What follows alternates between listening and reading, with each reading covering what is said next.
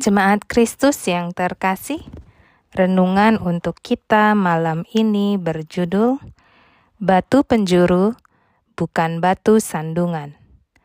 Dan bacaan kita diambil dari 1 Petrus 2 ayat 4 sampai 10.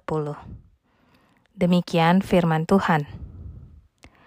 Dan datanglah kepadanya batu yang hidup itu, yang memang dibuang oleh manusia, tetapi yang dipilih dan dihormat di hadirat Allah.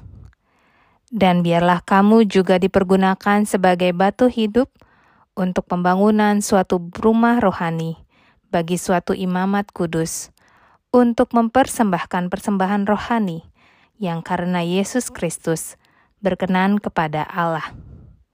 Sebab ada tertulis dalam kitab suci, Sesungguhnya aku meletakkan di Sion sebuah batu yang terpilih, sebuah batu penjuru yang mahal, dan siapa yang percaya kepadanya tidak akan dipermalukan.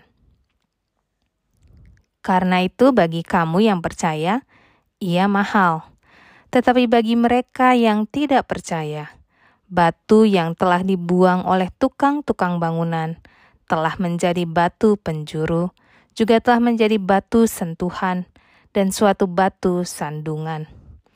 Mereka tersandung padanya karena mereka tidak taat kepada firman Allah, dan untuk itu mereka juga telah disediakan.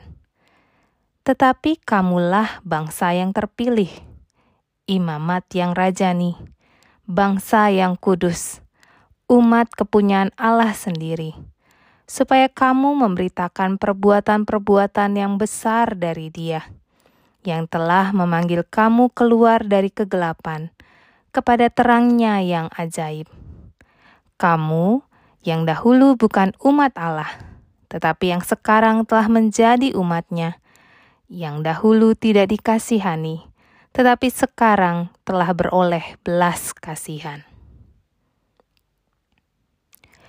Hidup sebagai seorang Kristen tidak pernah berhenti ketika kita sudah menerima Allah dalam hidup kita. Sebab ada tanggung jawab lain yang harus kita lakukan sebagai orang Kristen, yaitu menjadi rekan sekerja Allah dan ikut menjadi pewarta kerajaan Allah. Petrus menggunakan gambaran batu penjuru sebagai pengingat bagi kita bahwa kita pun juga menjadi bagian penting dalam mewartakan kerajaan Allah dan kebenarannya. Menjadi batu penjuru apakah mudah? Tidak, sebab menjadi batu penjuru tidak selalu terlihat dan dirasakan keberadaannya secara langsung. Namun, keberadaannya penting bagi bangunan tersebut. Berbeda dengan batu sandungan, ia justru tampak dan terlihat secara langsung, tetapi justru kehadirannya memberi hambatan dan mencelakakan orang yang melewati kita. Jadi, memang menjadi rekan sekerja Allah tidak selalu mudah. Apa yang kita lakukan tidak selalu dihargai dan dilihat. Namun, percayalah bahwa apa yang kita lakukan, bila itu diberkati dan diizinkan Allah, akan selalu menjadi dampak baik bagi komunitas dan diri kita sendiri. Apa yang kita lakukan akan menjadi berkat bagi orang yang membutuhkan. Menjadi batu sandungan atau batu penjuru adalah keputusan kita. Semoga kita memilih pilihan yang tepat. Demikianlah renungan malam ini. Semoga damai sejahtera dari Tuhan Yesus Kristus tetap memenuhi hati dan pikiran kita. Amin.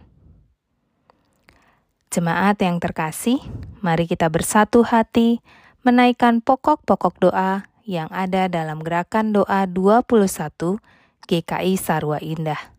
Mari berdoa.